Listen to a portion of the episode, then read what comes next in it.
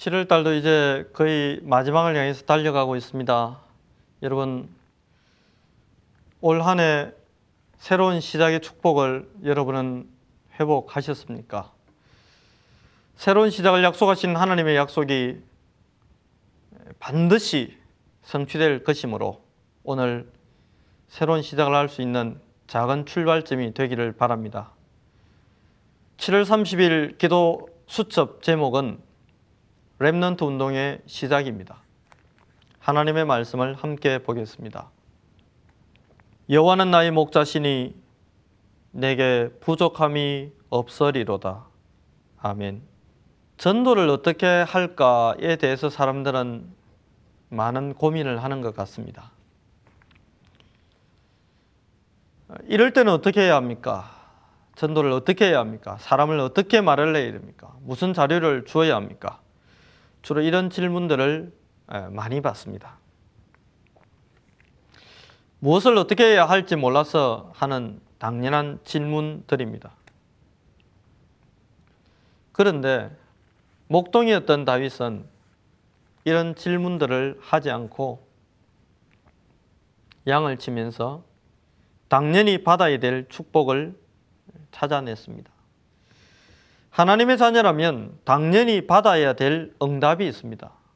전도는 하는 것이 아니고 이 응답을 받은 증인들이 자연스럽게 되어지는 과정을 누리는 것이 전도입니다.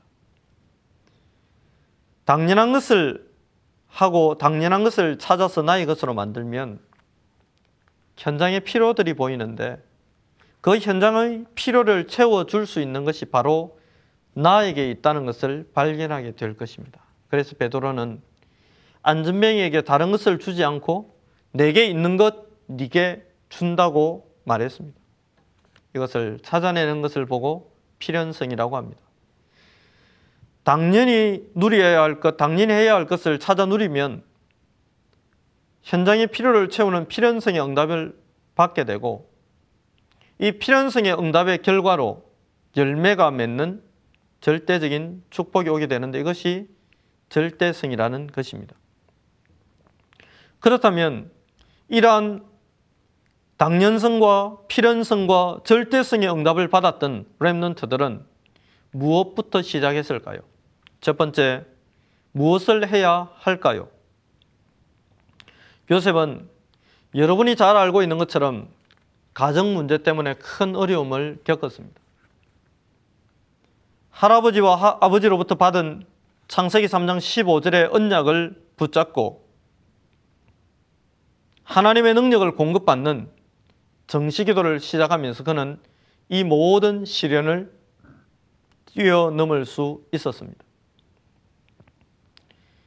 이러한 기도를 통해 하나님이 주는 힘을 얻게 되고 이러한 기도를 통해서 내 인생을 향한 이 시대를 향한 우리의 가정과 가문을 향한 하나님의 계획을 발견하는 비전을 얻게 되고 자신을 육신적으로 괴롭히던 형들을 도울 만큼의 영적인 힘이 그에게는 회복되는 축복을 누렸습니다. 이 언약을 모세가 붙잡았을 때 그는 80세의 비전을 찾고 위대한 도전을 시작했습니다. 랩런트들은 오늘을 최고로 만들 수 있는 정식기도의 축복을 통해서 나에게 주신 나를 향해 가지신 하나님의 위대한 계획을 나의 것으로 소유하는 것, 이 소유하고 발견하는 것으로부터 여러분의 인생은 위대한 도전을 시작하게 될 것입니다.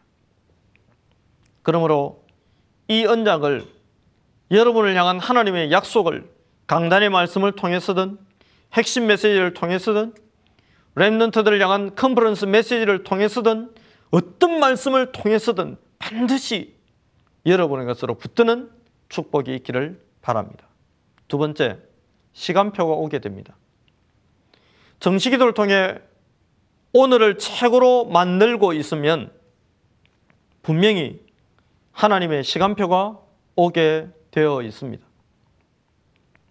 복음을 붙잡고 비전을 발견하고 하나님 앞에서 위대한 도전을 할 준비를 하고 있으면 하나님은 여러분의 인생 앞에 하나님의 계획이 펼쳐질 위대한 시간표를 보여주실 것이고 그 시간표 속으로 여러분은 들어가기, 들어가게 될 것이며 그 시간표 속으로 들어가기만 하면 여러분은 응답과 기적을 체험하는 증인으로 서게 될 것입니다. 이러한 기도를 통해서 요셉은 환경과 인간관계의 모든 고통과 재앙을 뛰어넘을 수 있는 힘을 얻었습니다. 다윗은 외롭게 양을 치고 비참하게 장인에게 쫓기는 개인의 환경과 형편 속에서 뛰어넘을 수 있는 하나님이 주시는 힘을 얻었습니다. 하나님은 이러한 사람을 찾고 계십니다. 세 번째, 그렇다면 어떻게 준비해야 합니까?